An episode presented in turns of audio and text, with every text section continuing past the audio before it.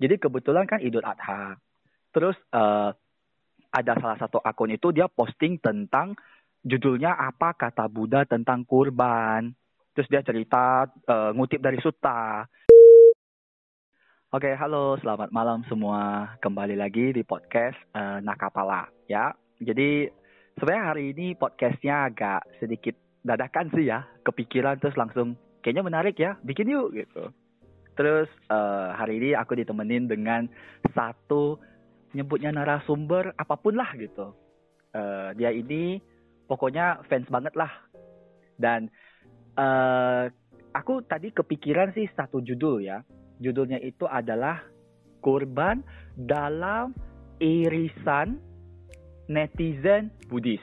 Nah, jadi uh, kalau teman-teman beberapa hari ini khususnya yang Buddhis mengikuti media sosial itu ada dua akun tuh saya nangkepnya kok mereka kayak lagi bukan perang sih, cuman kayak saling saling berargumen ya, which is good gitu kan. Jadi kebetulan kan Idul Adha. Terus uh, ada salah satu akun itu dia posting tentang judulnya apa kata Buddha tentang kurban. Terus dia cerita uh, ngutip dari sutta. Nah, sutanya ini dari Anggutara Nikaya 4.39 gitu, Ujaya Sutta. Terus ada satu akun lain itu dia eh, nggak uh, setuju kali ya. Jadi dan bahasanya sangat eksplisit gitu, nggak setujunya gitu tentang um, postingan yang membahas pandangan Buddha tentang kurban itu kayak apa. Dan hari ini kita kedatangan uh, Ko Stanley. Nah, ini nih waktu yang ditunggu-tunggu nih. Kapan lagi gue dalam sejarah bisa chat langsung Ko Stanley? Oke nggak kita record sekarang? Record. Wah ini ini record nih pencapaian bagi saya ini kok. Apa kabar Ko Stanley? Halo, ya baik baik kabarnya. Kamu gimana? Kabar baik. Ini bahasa basinya okay. bahasa basinya agak awkward ya. Enggak lah. Hmm, oke okay, oke. Okay. Jadi kan harusnya Koko pas saya tanya tadi juga udah tahu ya lebih kurang tentang hmm, apa yang terjadi gitu di dunia persilatan. Terus aku sekarang pengen diskusi kali ya, lebih, banyak mendengar gitu pendapat Koko mengenai apa yang sedang terjadi. Gitu. Dan kira-kira sebelum nanti saya mulai, tanggapan Koko terhadap dua post ini masing-masing kayak apa kok? Silahkan kok. Oke, uh, kalau mau menanggapi secara sekilas sih sebenarnya ada semacam kesalahpahaman ya, uh, terutama dari pihak yang uh, merasa atau meyakini atau mungkin memahami gitu ya, tapi dengan cara yang keliru gitu loh. Apa yang dilakukan oleh pihak yang memposting soal uh, apa ya makna pengorbanan gitu ya dalam definisi Buddhis gitu dan kesalahpahaman ini bisa dilihat dengan jelas di dalam alur argumen dia gitu loh. Jadi di dalam argumen itu sendiri pun sudah tampak kesalahannya. Kalau singkatnya sih seperti itu. Hmm, hmm, hmm.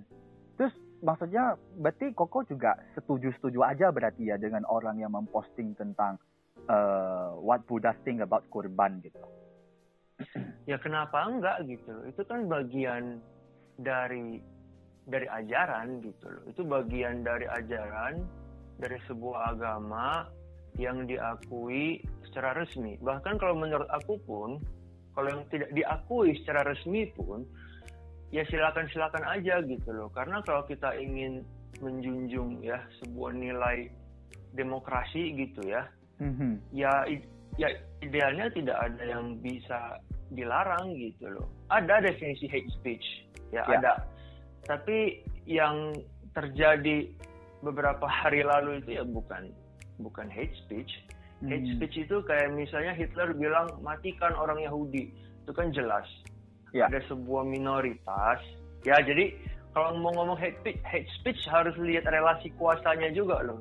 Relation of powernya itu gimana gitu loh. Jadi biasanya itu mayoritas mengarahkan ya targetnya itu target dari speechnya ke minoritas gitu kan ya mm-hmm. dan kandungan speechnya itu memang ingin menghasut gitu menghasut yang secara langsung maupun tidak langsung ingin melukai si komunitas secara fisik gitu ya atau ingin merusak simbol-simbol yang merupakan apa ya pengejawantahan dari spirit si komunitas ini gitu. Misalnya rumah ibadah gitu. Mm-hmm.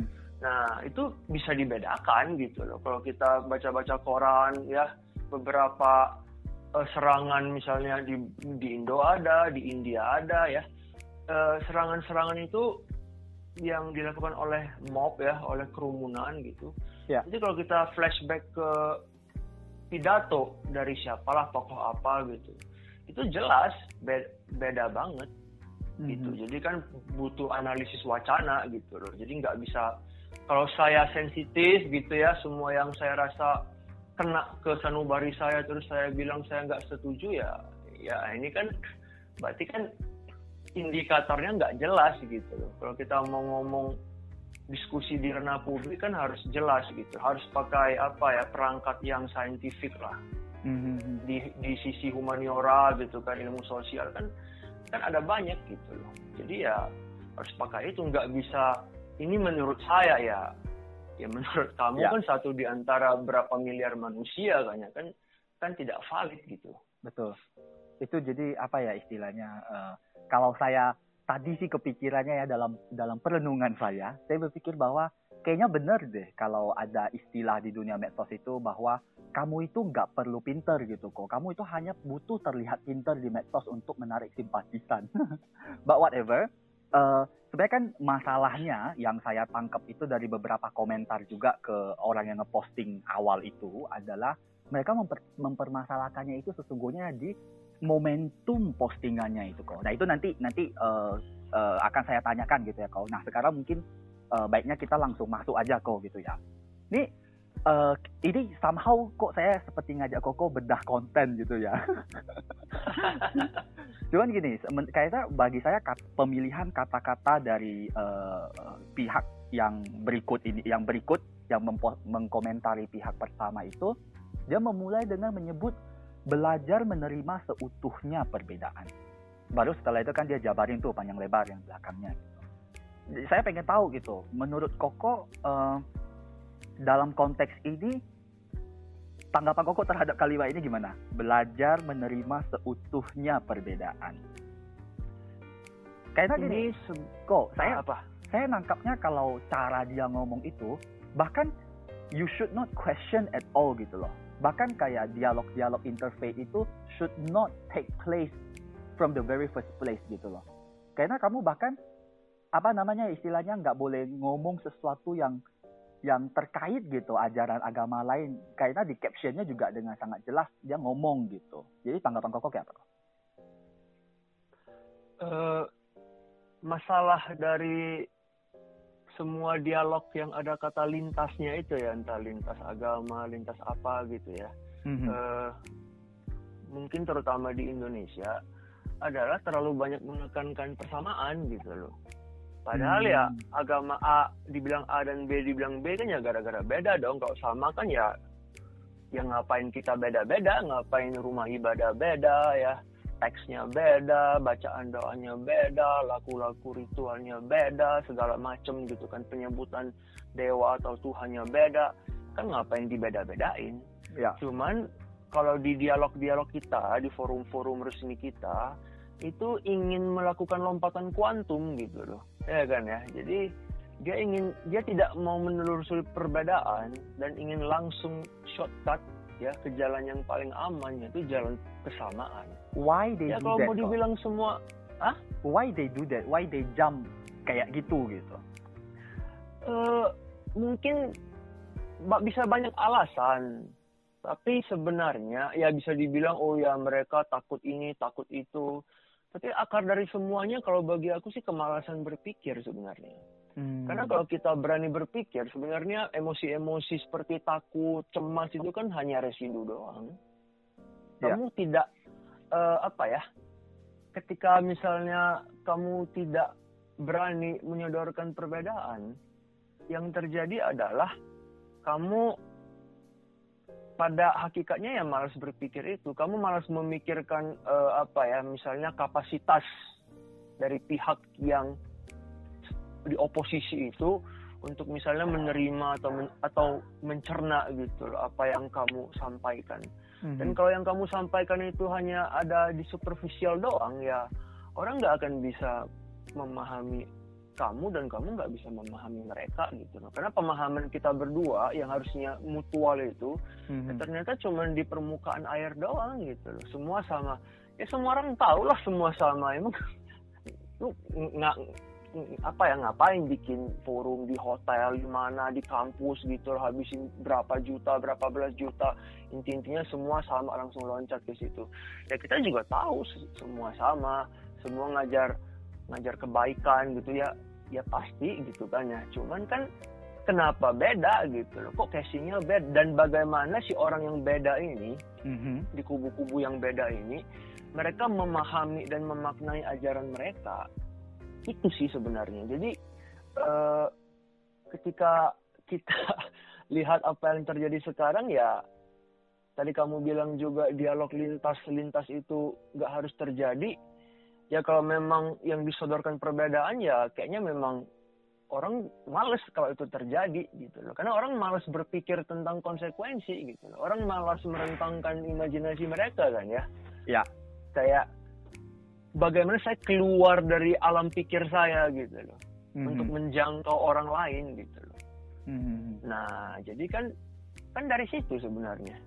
Berarti sebenarnya kita bisa maksudnya kalau begini proses penarikan uh, idenya itu berarti somehow yang pihak yang mengkomentari post pertama itu sepertinya agak males gitu ya maksudnya untuk berhadapan secara idea maupun secara nanti uh, praksisnya konsekuensi yang akan dia dapatkan gitu kalau dia membicara perbedaan gitu. Sehingga dia ya simply ya udahlah lu nggak ya urusan gua urusan gua lu nggak usah ngurusan orang lain lah gitu. Kayak istilah kerennya itu ya kama bandu kama yoni kama pati sarana gua masa bodoh sama orang lain hidup mau hidup mau mati terserah dia kayak gitu gitu Ya iya, nah malesnya ini kan oke okay lah, ada alasan, oke, okay, alasannya mungkin alasan trauma historis atau segala macem. Ya. Tapi ya inti-intinya kan ya tetap still itu sebuah laziness gitu. Saya malas membayangkan konsekuensi dari berulangnya trauma historis. Ya itu kan kemalasan gitu loh. Jadi kamu kayak katak dalam tempurung gitu loh. Kamu hmm. hanya akan aman tapi selama kamu di dalam tempurung, kamu keluar dari tempurung kan dunia tidak se sekecil yang kamu bayangkan dan dan kamu takut sekali dengan luasnya cakrawala dunia itu. Ah udahlah saya sembunyi lagi di tempurung saya gitu loh. Nah apakah ini yang kita harapkan gitu loh? Ya kalau di negara-negara yang kalau di Korea Utara mungkin iya ya, tapi ya kalau di negara kita ya karena di sana kan tidak ada betul. tidak ada nilai seperti yang kita apa ya junjung di Indonesia kan ya ya di kita kan secara teori ada nilai-nilainya ya. So mari kita coba coba terapkan itu loh jangan hanya dihafal doang. Ya kecuali di konstitusi negara memang tidak ada nilainya sebagai teori gitu loh. So ya nggak ada yang bisa dipraktikin toh. Hmm. tapi kalau ada teorinya ya harus bisa dipraktikin dong. Kalau enggak ya ngapain kita punya asas falsafah konstitusi dan lain sebagainya itu betul betul hmm. hmm, hmm. Niko uh, bagian kedua menurut saya bahkan lebih menarik karena dia bilang gini dia nyebutnya sudut pandang orang pertama gua miris dia bilang masih banyak Buddhis yang tiba-tiba kepanasan karena adanya ibadah yang dilakukan umat lain. Ada yang langsung bikin doa pelimpahan jasa, postingan berbau menyesatkan. Kenapa harus menyesatkan dikasih tanda petik? Kenapa harus membunuh? Bahkan sampai menyatakan ketidaksetujuan secara terang-terangan media yang bisa dilihat orang banyak. Apakah itu salah? Dia bertanya.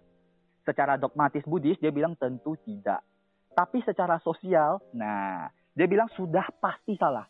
Begitu PD-nya eh, pernyataan sudah pasti salah ini karena Anda secara sadar atau tidak telah mempromosikan permusuhan dan ikut campur terhadap dogma ajaran yang lain. Nah, ini saya merasa kalau saya pribadi saya agak kurang setuju di bagian ini, ya. Uh, dia seolah memposisikan bahwa dalam konteks ini kan kita udah pasti mereka lagi ngom ngomongin tentang antara Buddhis dan Muslim toh. Karena yang melakukan ibadah uh, kurban itu kan Muslim toh pernyataan dia bagi saya itu adalah kok dia seolah menjudging, mempukul rata, generalisir, oh muslim ketika baca postingan yang pertama tadi itu pasti langsung panas dan langsung tersinggung dan langsung marah dan merasa uh, musuhan gitu dengan Buddhis. Which is, is, is itu bagi saya itu konyol sekali gitu loh. Itu doesn't make sense at all gitu loh. Kayak asumtif yang apaan sih gitu loh. Menurut Koko gimana kok? Jadi dari yang kamu bilang tadi kan ada dua poin ya, ada dua poin yang dipermasalahkan gitu loh. Eh, pertama kan poin kenapa harus di hari itu gitu loh. Ya. Jawabannya padahal kan gini kalau mau disambungkan paling dia kan akan ngomong seperti ini ya. Tiap hari kan ada pembunuhan ya. Yes, exactly. Di rumah-rumah penjagalan segala macam. Tapi kenapa di satu hari itu gitu loh. Uh, kalau di hari lain malah nggak nyambung gitu loh. Kenapa harus di hari itu? Karena di hari itu ya itu hari yang simbolik gitu loh. Hmm. Karena di hari itu ketika kita membunuh itu tidak hanya membunuh yang membunuh, membunuh dalam pengertian yang ekonomis gitu loh. Ya. Saya membunuh untuk diperjualkan ke pasar gitu kan ya. Nah di hari itu uh, ada sebuah tindakan yang diasosiasikan dengan ritual gitu loh. Hmm. Dan kebetulan di di tradisi mana pun mungkin pasti ada kan ya cara ya. memandang itu. Nah, ya. cara memandang fenomena X misalnya. Nah, Buddhisme punya cara pandang dia sendiri. Nah, kalau dia rayakan di hari lain kan tidak uh, apa ya? Gini lah, di Anguttara Nikaya itu kan Ujaya Sutta ya kalau aku nggak salah kan ya? Ya, ya. Nah, kan Buddha ngomong sama Brahmana Ujaya gitu loh. Ya. Nah, kalau kamu perhatikan, Buddha itu kan tidak 45 tahun mengajar itu dia khotbahin satu persatu tukang jagal kan. Yang ngapain juga gitu loh. Iya kan ya? Yang ngapain juga gitu. Ada ada berapa ratus ribu sudra atau paria yang profesinya itu tukang jagal gitu. Nggak mungkin dikhotbahin satu persatu. Kalau bisa ya hindari, kalau enggak ya udah. Ya. Nah, dalam konteks Ujaya Sutta ini, si Brahmana kan bertanya karena dia sebagai kita asumsikan yang mempraktikkan itu gitu loh. Ya. Ini laku saya nih, Buddha. Menurut kamu gimana nih? Kamu memuji nggak? Ya nggak semua pengorbanan saya puji kata Buddha kan ya. Hmm. Ya nggak semua saya celah juga. Nah ada yang saya acungi jempol gitu kan. Hmm. Ada yang enggak gitu loh. Nah yang enggak ini adalah kalau menurut konteks Brahmanisme di masa itu adalah yang menumpahkan darah gitu loh. Hmm. Itu bagi Buddhisme tidak benar. Jadi hmm. kenapa di hari H di hari H itu di Idul Adha misalnya ya dalam konteks kita sekarang ya ya karena di hari itu darah yang tumpah itu bersifat ritual gitu loh bersifat uh, simbolik hmm. nah jadi bagi Buddhis yaitu tidak benar gitu loh gini lah ya tidak benar ini kan kadang-kadang bisa ditarik panjang ya gitu ya. Betul, betul. Karena kalau tiap-tiap agama kan punya masing-masing paradigma yang membuat agama lain jadi kelihatan nggak benar gitu loh. Ya. Badan kita fine-fine aja kok. Betul. Misalnya gini lah, kalau mau pakai kerangka atau paradigma ketersinggungan ya kan. Ya. Misalnya aku ya, aku di, didoain sama siapa gitu Mm-hmm. Ah semoga kamu nanti lahir di surga ya, senang-senang di sana. Kalau aku mau tersinggung, aku boleh tersinggung dong. Mm-hmm. Karena di dalam paradigmaku itu bukan tujuan tertinggi aku. Ya. Kalau aku mau tersinggung, aku bisa bilang lah kamu lagi nyumpain saya yang buruk-buruk, ya saya nggak mau lahir di surga. Ya, ya, mau, yang, ya. mau yang lebih tinggi gitu loh. Tapi kan orang suka tuh. Ya. Eh semoga nanti ini ya bahagia selamanya gitu. Ya. Ya Iya kan ya, misalnya atau mungkin kakekku mati misalnya. Ya. Wah semoga almarhum lahir kembali di surga bertemu dengan orang-orang terkasih gitu. Mm-hmm. Wah saya mau kakek saya pencerahan, kamu doain dia lahir di Kamaloka. Ini kan nggak benar gitu loh. Mm-hmm. Atau surga yang semua putih, nggak ada apa-apa gitu loh, nggak ada kesenangan, tapi pure tenang. Wah kamu doain kakekku lahir di Arupaloka ya? Kan ya. nggak bagus itu ya. menurut aku menurut aku kan kan seperti itu gitu loh. Jadi kan ini masalah menurut menurut siapa aja. Toh dia nah, dia di post ini juga dia penggunaan katanya gua which is menurut aku gitu.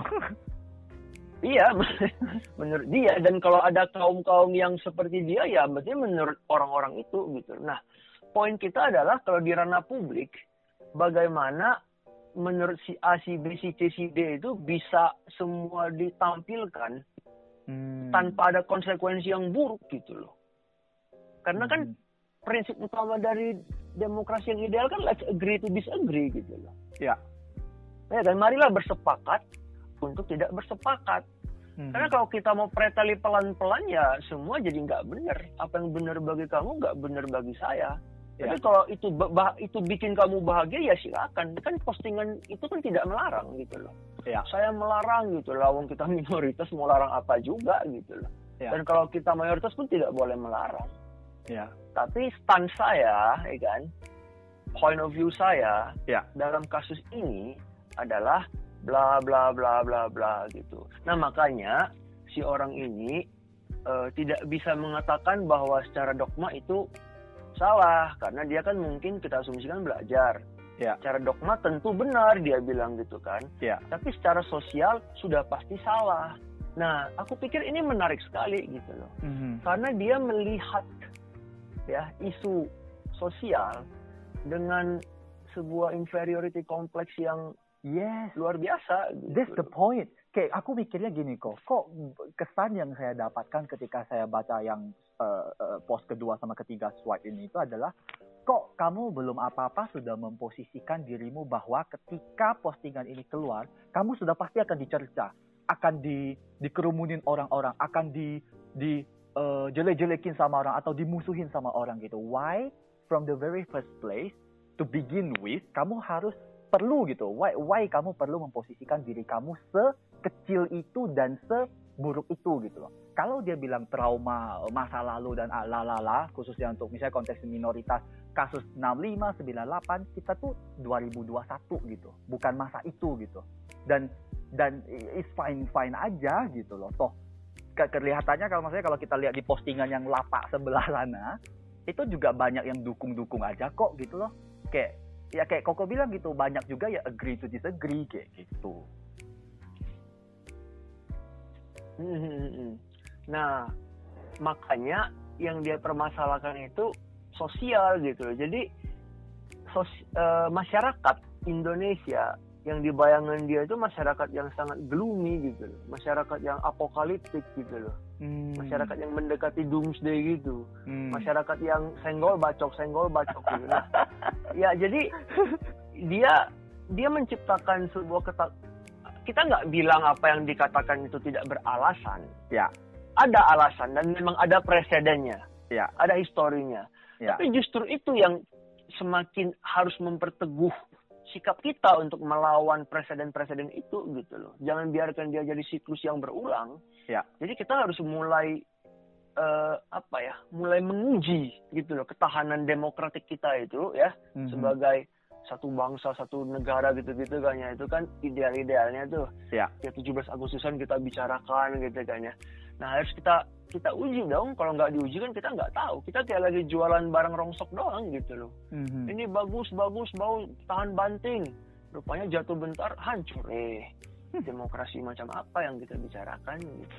Nah jadi sebenarnya dia sedang dia, dia sudah mengakui bahwa apa yang dia sampaikan itu tidak pada ranah dogma gitu loh. Karena di dogma ya bagi kamu benar ya benar. Ya. Ini masalahnya kan di ranah sosial bagi kamu benar belum tentu bagi saya benar. Ya. Nah, tapi bagaimana menyikapi itu gitu loh. Bagaimana kalau kita pakai prinsip jalan tengah kan non kontradiksi kan ya. Bagaimana ya. dua hal yang saling bertentangan itu bisa eksis dalam satu ekosistem yang sama gitu. Kan itu indahnya. Itulah kita bilang keindahan gitu. Ya. Karena kalau enggak ya kan ya, kamu ke wihara, kamu lihat wah itu patung gitu. Lah kalau saya bisa tersinggung ya saya tersinggung lah. Jangan bilang itu patung, itu harus Buddha. Hmm. Kamu bilang siapa pun kalau misalnya aku mau jadi diktator ya aku punya sebuah apa ya kelompok mayoritas gitu ya. Mm-hmm. Mulai sekarang semua penyebutan statue itu tidak harus dicoret gitu loh. Ya. Jadi semua yang kamu lihat imaji-imaji Buddha itu itu Buddha aja titik, not Buddha statue, Buddha replika. Ya. Kamu akan saya kenakan pasal penistaan agama. Bisa, bisa lah. Kenapa mm-hmm. enggak? Mm. Karena filsafat saya, kalau menurut saya ya di filsafat saya Buddha itu enggak mati Ya. Yang saya lihat itu bukan patung, yang saya lihat itu Buddha yang asli gitu. Ya. Makanya kalau saya misalnya ke sebuah tempat ibadah, saya kan nggak bilang oh itu batu, oh itu dinding, oh itu kayu. Saya kan lihat esensinya gitu loh. Hmm. Jadi bisa aja kalau mau soal tersinggung kan ya berarti siapa yang siapa yang lebih sensitif gitu kan, tidak menyelesaikan masalah. Hmm, hmm, menarik. Gua saya saya malam ini kayaknya ah, susah tidur gitu. Memikirkan hal-hal menarik, maksudnya banyak poin menarik. Nah, ini dia berikutnya dia memberikan contoh nih kok, maksudnya analogi yang dia sajikan. Terus dia bilang gini, dia berasumsi bahwa orang akan komen gitu, wah lu berarti bukan seorang Buddhis yang baik dong Min gitu. Ya mungkin saja dia menjawab. Tapi gua berusaha mengajak lu berpikir waras. P. Kalau Waisak tiba-tiba didoakan oleh seorang agama lain karena mereka menganggap itu adalah hal yang bertentangan dengan dogma mereka, dan mereka gembar-gemborkan di sosial media, dibikin flyer akan ada doa mendoakan para Buddhis dan lain-lain, lu bakalan gimana? Itu contoh dia satu. Nah, berikutnya dia lanjut dengan mengatakan, makanya dalam banyak postingan, kami dalam artian admin mereka, itu mengajarkan buat beragamanya secara logis dan benar. Pahami esensinya, bukan secara tekstual dan memancing fanatisme. Ini banyak banyak variabel nih kok. Kalau emang ente kagak setuju sama ajaran orang lain, cukup diberitahu untuk kalangan sendiri saja. Jangan diumbar-umbar ke sosial media. Ini maksudnya uh, mungkin kalau saya nangkapnya itu satu poinnya adalah sebenarnya etika bersosial media dalam konten yang mungkin orang-orang akan menganggap wah ini konten kayaknya agak sensitif ya gitu, agak agak gimana gitu ya. Itu etikanya gimana sih kok sebenarnya? Hmm, oke okay, oke okay, oke. Okay. Tapi mungkin kita mulai dari yang paling awal dulu ya. Oh iya, aku iya. menarik. Aku aku tertarik dengan kata waras itu ya. Mm-hmm. Uh, mari berpikir waras, jangan dicampur adukan dengan mari berpikir paranoid sebenarnya. Hmm. Terus kan disambung, tadi kan disambung dengan kalau nanti Waisak terus ada orang melakukan hal yang sama, kamu gimana? Jawaban saya simpel, yang nggak gimana-gimana sih. Ya. Ya udah, silakan gitu loh. Emang itu bukan hal bukan hal yang baru kok. Iya kan ya, ya. itu bukan hal yang baru. Jadi ya silakan aja mau ngomong apa gitu. Oh berarti saya lihat oh ada yang beda gitu loh. Dan kayaknya dan ujian apa? sebenarnya di di barusan yang dia contoh yang Waisak ini dia kayak another assumption untuk menarik kesimpulan bahwa umat-umat Buddhis jikalaupun skenario nya terjadi umat-umat Buddhis akan kepanasan gitu jadi ada satu proses penarikan kesimpulan yang holistik gitu. Yang dia dia apa ya yang dia konstruk untuk yang tadi contoh yang paling atas itu untuk teman-teman kita yang muslim. Dalam yang sekarang ini dia membuat satu dunia yang dia bayangkan tentang umat Buddhis bagaimana mereka merespon gitu. Which is itu sangat asumtif dan nggak make sense gitu loh.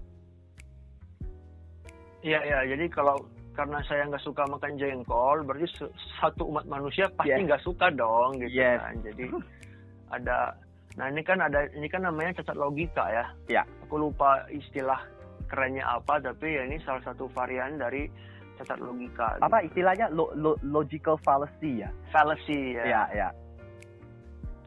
So ya kalau di Waisak ada yang seperti itu, ya udah silakan gitu loh.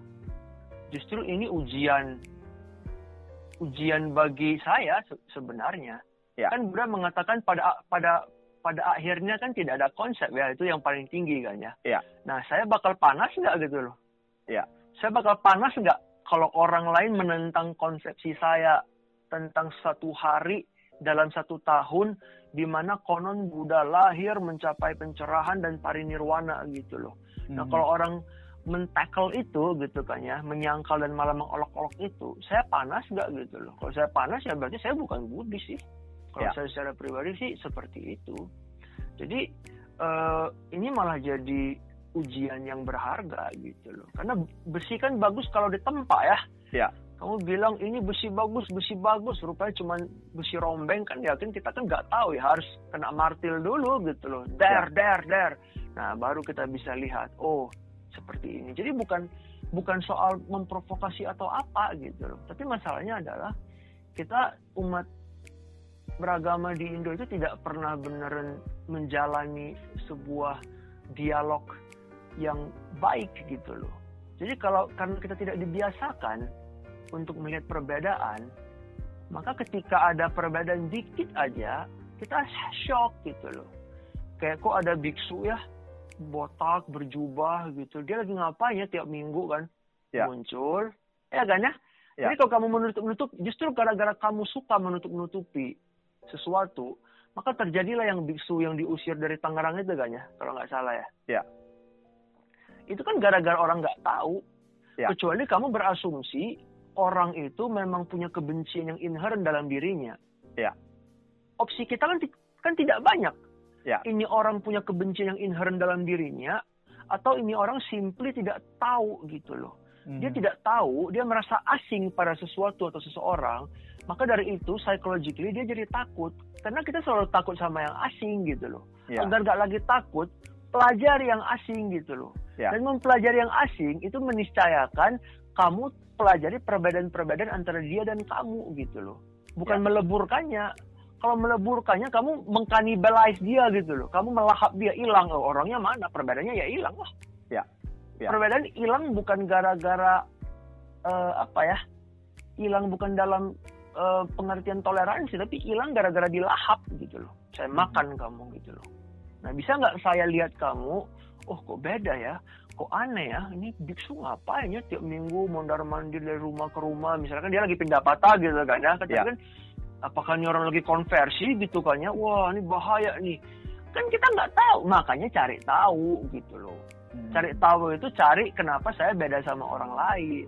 Kan konon kita diciptakan berbeda-beda ya. ya dipelajari atau perbedaannya ya, bukan ya. malah ditutup-tutupi karena kita nggak tahu gitu loh ya, ya, ya kecuali cuma dua itu ya either lu yakin manusia itu jahat dari awal atau manusia simple itu nggak tahu gitu loh karena dia nggak tahu dia takut maka ada istilah fobia kamu nggak tahu gitu loh wih ada momok, ada hitam-hitam apa, pas lampu dinyalakan, oh rupanya nggak ada apa-apa. Berarti sebenarnya kayak... orang takut sama gelap kan ya? Karena orang nggak bisa lihat dalam gelap dan dia memunculkan segala macam setan sih. Setannya exactly. dia sendiri lah. Itu sebenarnya self-created fear kok ya. Maksudnya ketakutan yang mm-hmm. bikin sendiri gitu. Padahal belum tentu kayak gitu gitu loh. Belum tentu. Hmm. Awas bahaya ini, bahaya itu ya ini yang di uh, ini kalau dalam ilmu sosial itu ada yang namanya self fulfilled prophecy. Hmm. Jadi ramalan ramalan yang terbukti dengan sendirinya gitu loh. Ya. Misalnya kalau kamu punya anak ya kamu bilang, "Wow, kamu bodoh nak, bodoh nak, bodoh nak." Terus pas dia besar benerin bodoh. Ya iyalah. Kamu nggak pernah didik dia supaya pintar, kamu nggak pernah kasih lingkungan yang kondusif gitu gimana dia mau pintar kan ya? Ya. Nah, ya. sama halnya dengan kasus kita sekarang ini ramalan yang terbukti dengan sendirinya gitu loh hmm. awas ini awas itu awas ya justru karena paranoia itu yang memang nanti ujung-ujungnya akan men-trigger sebuah kondisi kerusuhan karena orang itu hanya kebagi saya ya, ya. orang itu menyerang orang lain karena dia nggak paham sama orang itu bukan karena dia benci gitu loh hmm. kalau saya merasa sebaliknya bahwa orang melukai orang lain karena dia benci saya mending bunuh diri dah saya nggak mau hidup di, di sebuah dunia di mana spesies yang berkuasa, Homo sapiens, rupanya punya kebencian inherent dalam dirinya. Mending saya mati. Dunia seperti itu ngapain saya tinggali? Kan gitu ya. Ya. Hmm. Wah ini, wah, be, saya sangat senang. Oke, kita lanjut dulu kok. Nah, lanjut ke terkait menurut Koko etika yang apa seperti apa sih etika dalam kita sebaiknya kayak bersosial media gitu. Dalam konteks ini mungkin uh, yang dia pertanyakan itu adalah kayak eh lu ngerti kagak? Lu posting waktu salah momentum salah atau apa? gitu. Jadi sebenarnya seperti apa gitu kok etika itu uh, sebenarnya ya kalau kita mau menarik kerana yang paling ideal mm -hmm. adalah ya kamu cerna dulu sih sebenarnya kan ya. Kamu kan harus lihat eh, cerna itu berarti kamu lihat konteksnya gitu loh. So ketika kita bilang sebuah etika yang misalnya kita tulis hitam di atas putih ya, itu nggak akan menyelesaikan masalah karena orang zaman sekarang kan memang permasalahannya mereka tidak membaca apa yang ditulis gitu loh. Hmm. Iya kan ya. Jadi kalau kamu misalnya eh tolong bikin dong sebuah sebuah statuta gitu ya atau sebuah uh, manual beretika yang baik masalahnya adalah orang nggak baca gitu loh karena kalau orang baca ya mm-hmm. kamu bahkan nggak usah you you don't need to make that manual of ethic gitu loh in the yeah. first place yeah. kan seperti itu jadi masalahnya adalah balik ke diri sendiri ini mungkin terdengar agak klise kan ya. Hmm. Ah, balik ke diri sendiri pas saya tahu tapi ya memang itu gitu loh. Solusinya ada di masalah itu sendiri sebenarnya bahwa kita itu tidak membaca gitu loh. Kita itu tidak orang ngutip Anguttara Nikaya ya Ujaya Sutta kenapa di hari H orang tidak berusaha untuk berempati pada si pihak yang memposting itu gitu loh. Hmm. Kan kita punya asas praduga tak bersalah kan ya? Ya sebelum ya. dia ya berarti kan unless proven guilty ya asumsikan dia punya niat yang tidak guilty itu dong. Ya. Kan seperti itu. Kecuali memang ini sebuah media yang sudah terkenal sehari-hari memang menyebarkan kebencian gitu loh. Ya, ya, ya. Perempuan adalah makhluk hina atau apa gitu kan. Ya, agama itu adalah sesat atau apa ya. Kecuali itu kan kita bisa lihat polanya. Ya. Nah, kita lihat dong pola dari si uh, postingan ya yang sumber postingan ini apa gitu. Kalau polanya memang dia sifatnya filosofis, doktrinal gitu ya berarti di hari H itu sebenarnya tidak ada apa-apa. Tapi kenapa dia pilih hari H? Ya kamu coba pahami dulu gitu loh. Ya. Coba pahami dulu. Bukan soal kan tiap hari ada orang ada aja makhluk yang mati dibunuh gitu loh. Ya. Ya kita juga mendoakan kok kalau mau tarik lebih jauh ya. ya. Saya saya pribadi sih mendoakan pagi tiga kali, malam tiga kali. Saya doakan semua makhluk. Ya. Karena memang tiap hari, tiap momen kita ngomong sekarang pun ada aja yang mati. Ya. Manusia maupun non, non manusia. Soalnya kita doakan semua. Tapi di hari H itu karena dia simbolik gitu loh, ya kan ya. Ya maka kita uh, butuh sesuatu perenungan yang juga skalanya kelihatan lebih kentara gitu loh dibanding apa ya perenungan-perenungan atau postingan-postingan sebelum-sebelumnya. Aku hmm. pikir sih itu sih. Hmm. Aku tadi kepikiran, oh ini ini ini.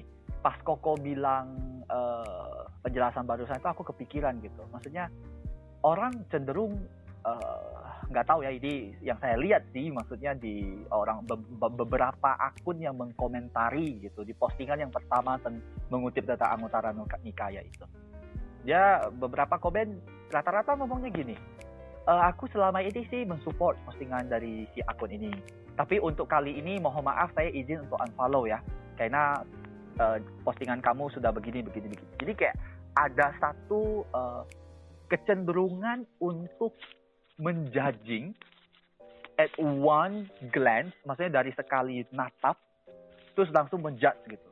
Persis kayak kau bilang, tidak ada satu upaya untuk mencari tahu sebenarnya di balik ini ngomongin apa sih, dia motivasinya apa sih, dan yang menariknya lagi banyak sekali komentar yang seolah-olah dia lebih tahu dari si admin yang posting gitu kok.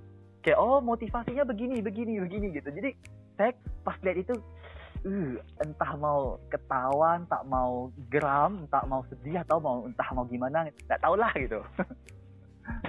Cuman ya begitu ya. Nah ini kok uh, yang terakhir kali ya. Uh, dia di satu sisi di atas dia mengatakan bahwa ini secara dogma mungkin nggak uh, salah gitu karena menurut benar menurut gua ya kalau gua Buddhis berarti dalam komunitas gue yang sesama Buddhis berarti kan benar dong secara dogma yang kita anut sama-sama gitu. Tapi secara sosial enggak benar gitu. Tapi uh, di post yang ini yang agak akhir ini saya kira dia mengutip bait yang sifatnya kalau menurut saya sih agak dogmatis ya kok ya. Tapi saya penasaran menurut Koko seperti apa. Dia bilang gini, Buddhisme itu membangun ke arah dalam. Kalau lu masih keluar-keluar keluar, jangan-jangan lu salah dalam beragama. Kenyataan bahwa di teks-teks Buddhis dan mau dia Theravada, Mahayana, Wajrayana sekalipun, ya kita memang diajarin untuk lihat ke dalam batin gitu. Melihat ke kilesa kita gitu, merenungkan karma kita which is ke dalam. Dan uh, kemudian dia mengatakan Brahma Wihara emang perlu, tapi kebijaksanaan lebih penting. Nah ini menurut Koko seperti apa respon Koko terhadap poin ini? Melihat ke dalam ini kan sebenarnya apa ya? Ini frasa yang sangat sangat sangat misterius gitu loh. Hmm. Saking misteriusnya ketika saking misteriusnya dia nggak bisa nggak bisa hampir nggak bisa di, diucapkan sebenarnya. Maksud saya seperti apa? Kalau kita mau bilang melihat ke dalam kan kita introspeksi dulu kan ya. Ya. Niat saya apa sih? So bagi yang beneran ngomong seperti itu, kalau dia beneran lihat ke dalam, dia juga nggak akan posting panjang lebar sih. Jadi sebenarnya ini kan kayak makanya saya bilang ini frasa yang misterius. Karena dia bisa jadi kayak senjata makan tuan gitu loh. Dia bisa kayak jadi bumerang gitu loh. Jadi kayak gini karena saya kayak kayak Apa? dia bilang Buddhisme tuh berarti kan somehow pesannya adalah suruh orang lihat ke dalam jangan keluar gitu tapi if only si orang ini si admin ini do what he or she type on this post maka postingan ini to begin with harusnya nggak ada gitu loh ini harusnya nggak ada makanya. Iya, ini kok, frasa yang misterius sekali gitu kok, kalau, kalau maksudnya menggunakan kalimat lu lihat ke dalam tapi untuk menggunakan kalimat itu untuk menyuruh orang lihat ke dalam gitu. Maksudnya kayak logika gue kayak tiba-tiba disconnect gitu. Kan ada ya kayak aku lupa di di adegan mana kan uh, Buddha memegang sekuntum bunga gitu kan terus Buddha diam doang kayaknya ya. terus di antara semua hadirin cuma Mahata siapa yang anggo-anggo oh dia ya. paham ya. karena Buddha nggak ngomong apa-apa gitu nah ini kan ini kan kurang lebih hal yang sama gitu loh hmm. kalau kamu kamu nggak bisa mereplikasi sesuatu either dalam bentuk gestur atau dalam bentuk verbal tanpa beneran sudah merealisasikan itu gitu loh makanya saya paling uh, apa ya paling paling ngeri sebenarnya untuk mengucapkan sendiri frasa melihat ke dalam itu. Karena kamu harus beneran sudah melihat ke dalam dong baru kamu bisa ngomongin orang lihat ke dalam. Dan kalau kamu lihat ke dalam kamu nggak akan judgmental seperti itu gitu.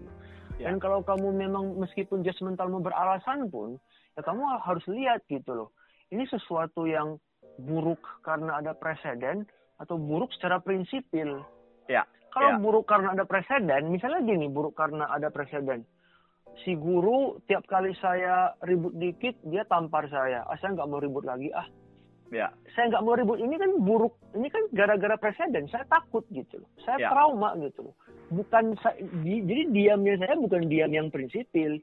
Ya. Diam yang saya takut guru nampar saya. Ya. Padahal kan pertanyaan yang mesti diajukan, kenapa nih guru dikit-dikit nampar saya? Gurunya ya. yang salah dong. Betul. Jadi ketika kita ngomong secara sosial, postingan ini nggak benar, maybe kita boleh bertanya gitu loh, apa yang salah dari kondisi masyarakat kita ya, kondisi hmm. sosial kita, sehingga postingan-postingan seperti ini bisa dibilang salah gitu loh. Ya. Apa yang, iya kan, serapu itu gitu. Ya. Se, semudah terbakar itu loh masyarakat kita loh. Nah, apa yang salah gitu loh. Mm -hmm. Ya ya ya ya. Wah ini um, tapi bagaimanapun ya kan maksudnya kita ya saya sendiri saya tidak tidak somehow maksudnya belajar dan tidak berani untuk uh, berprasangka gitu ya terhadap siapa pun gitu. Maksudnya apa yang kita lakukan hari ini juga bentuknya diskusi gitu ya kok ya. Karena kita nggak tahu gitu apakah admin yang lapak sebelah sama lapak ini itu ada siapa tahu ada yang bodhisatwa gitu kan. Terus kita berprasangka buruk terus salah ngomong terus jadi jadinya karma buruk gitu kan. Cuman cuman ya gitulah kok maksudnya saya berterima kasih banyak kepada kau Stanley ya bersedia untuk meluangkan waktu malam-malam begini. Kita udah ngomong udah mau sejam loh kok dan maksudnya ini oh, masa? Iya loh udah loh. udah 45 menit loh tapi tapi saya saya saya merasa bahwa semua poin koko itu uh, uh, menjawab gitu rasa penasaran saya gitu. Maksudnya dan dan saya sekiranya uh, podcast ini yang hari ini sangat spesial dan akan segera saya edit saya akan posting malam ini juga. Uh, saya berharap lebih banyak khususnya umat Buddha itu sendiri memahami gitu. Maksudnya bagaimana fenomena sosial di antara kita gitu, sesama umat Buddhis gitu. What is wrong with with us gitu. Jadi terima kasih Kostelli. Mungkin ada sebelum kita tutup mungkin Koko kalau ada pesan-pesan untuk yang nanti mendengarkan podcast ini, silakan kok. Hmm, pesan ya. Mm-hmm. Uh, tadi kan dibilang kita jangan-jangan lagi ngomongin orang jadi karma buruk gitu ya. Kita Indian kan nggak tahu orang itu pikir seperti apa. Ya.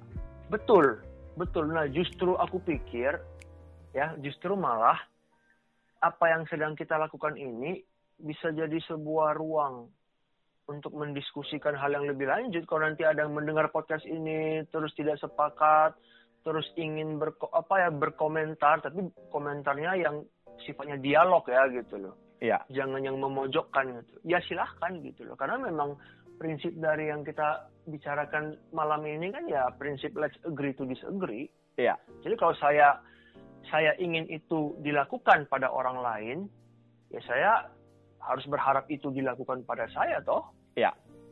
Jadi kita di, di sini betul yang tadi kamu bilang, kita tidak mengasumsikan posisi kita sebagai posisi yang paling benar gitu loh. Iya.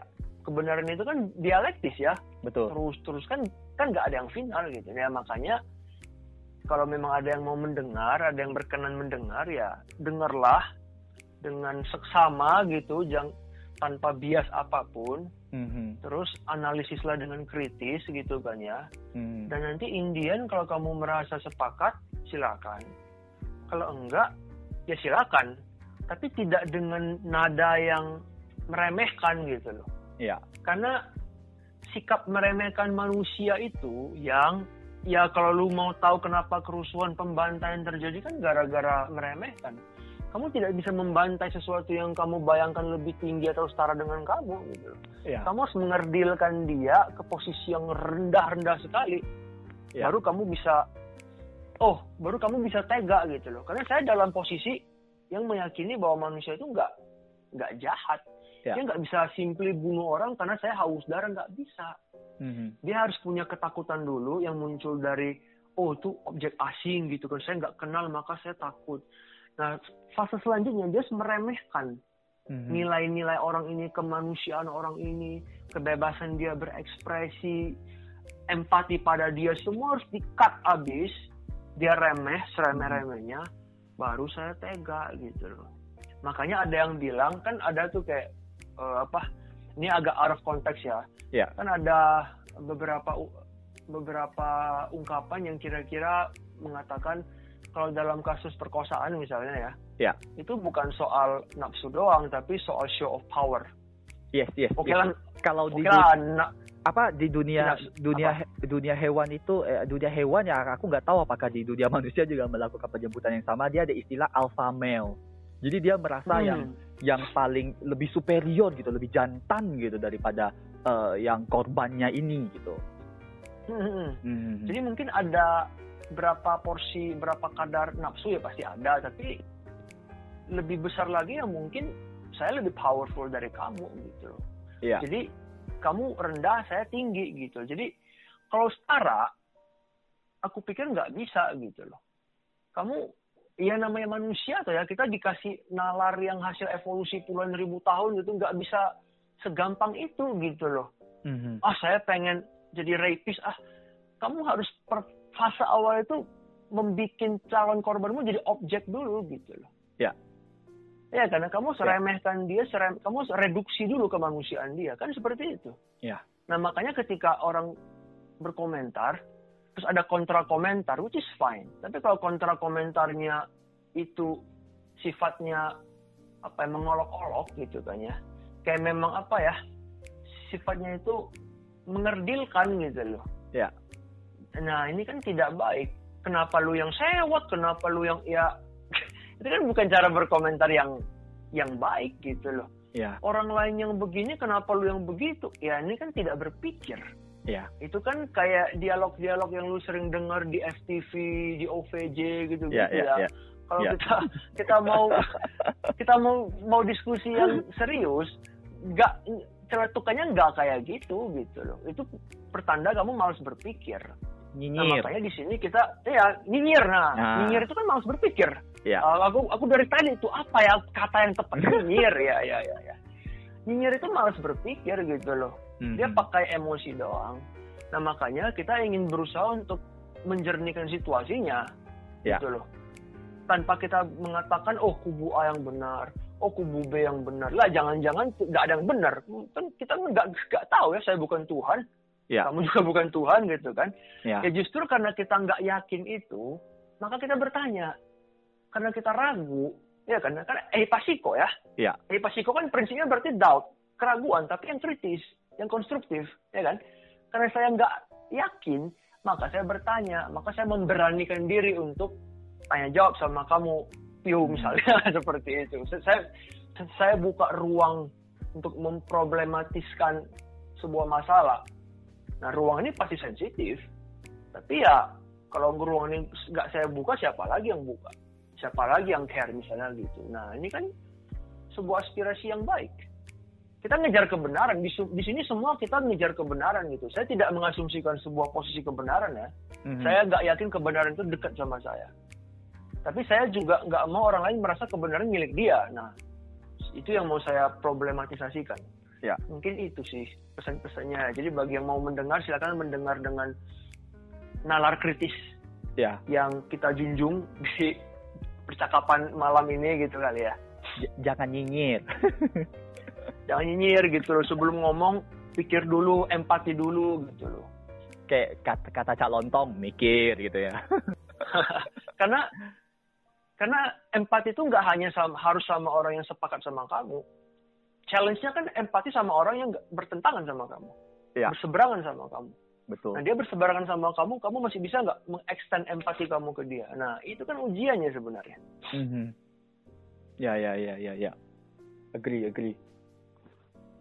Hmm, wah, wah ini em, karena pes- pesan pesan Koko demikian, maksudnya jika nanti ketika eh, podcast ini kita terbitin, kemudian banyak seandainya ada respon gitulah kok ya, terus ada pertanyaan masuk lain-lain. Mungkin kalau di lain waktu Koko ada waktu kosong, mau da- baik dadakan maupun tidak, ketika saya chat dan Koko adalah waktu luang, mohon berkenanlah Koko untuk kita ngobrol gitu, kok lanjut episode berikutnya gitu. Karena Oh boleh banget, boleh Oh, banget. oh, ini- asalkan asalkan komentarnya tidak ad hominem ya. Misalnya, ah dasar lu Cina brengsek gitu. Ya ngapain saya komentari kan? Ya saya nggak akan gimana-gimana sih. Tapi ya udah, ini orang kan berarti nggak niat mikir. ya kalau kalau kalau ada komen kayak gitu juga otomatis saya saya filter kok kok tenang saja kok. Wah, makasih banyak kok Stanley. Kita ini li- Oke, sama-sama. 54 menit kok, waktu yang berharga. Saya belajar banyak, jadi tahu banyak juga dan bisa lebih engage gitu ya, lebih real gitu engage-nya dengan eh, maksudnya secara logis gitu loh. Secara logis dan berpikir kritis gitu. Jadi aduh, pokoknya gitulah teman-teman. Oke, makasih Ko Stanley. Eh, demikian saja teman-teman untuk episode eh, podcast Nakapala pada malam hari ini dan eh, kita tunggu kesempatan-kesempatan lain untuk berkolaborasi dengan Ko Stanley lagi. Makasih Ko Stanley. Oke, sama-sama. Selamat malam. Malam.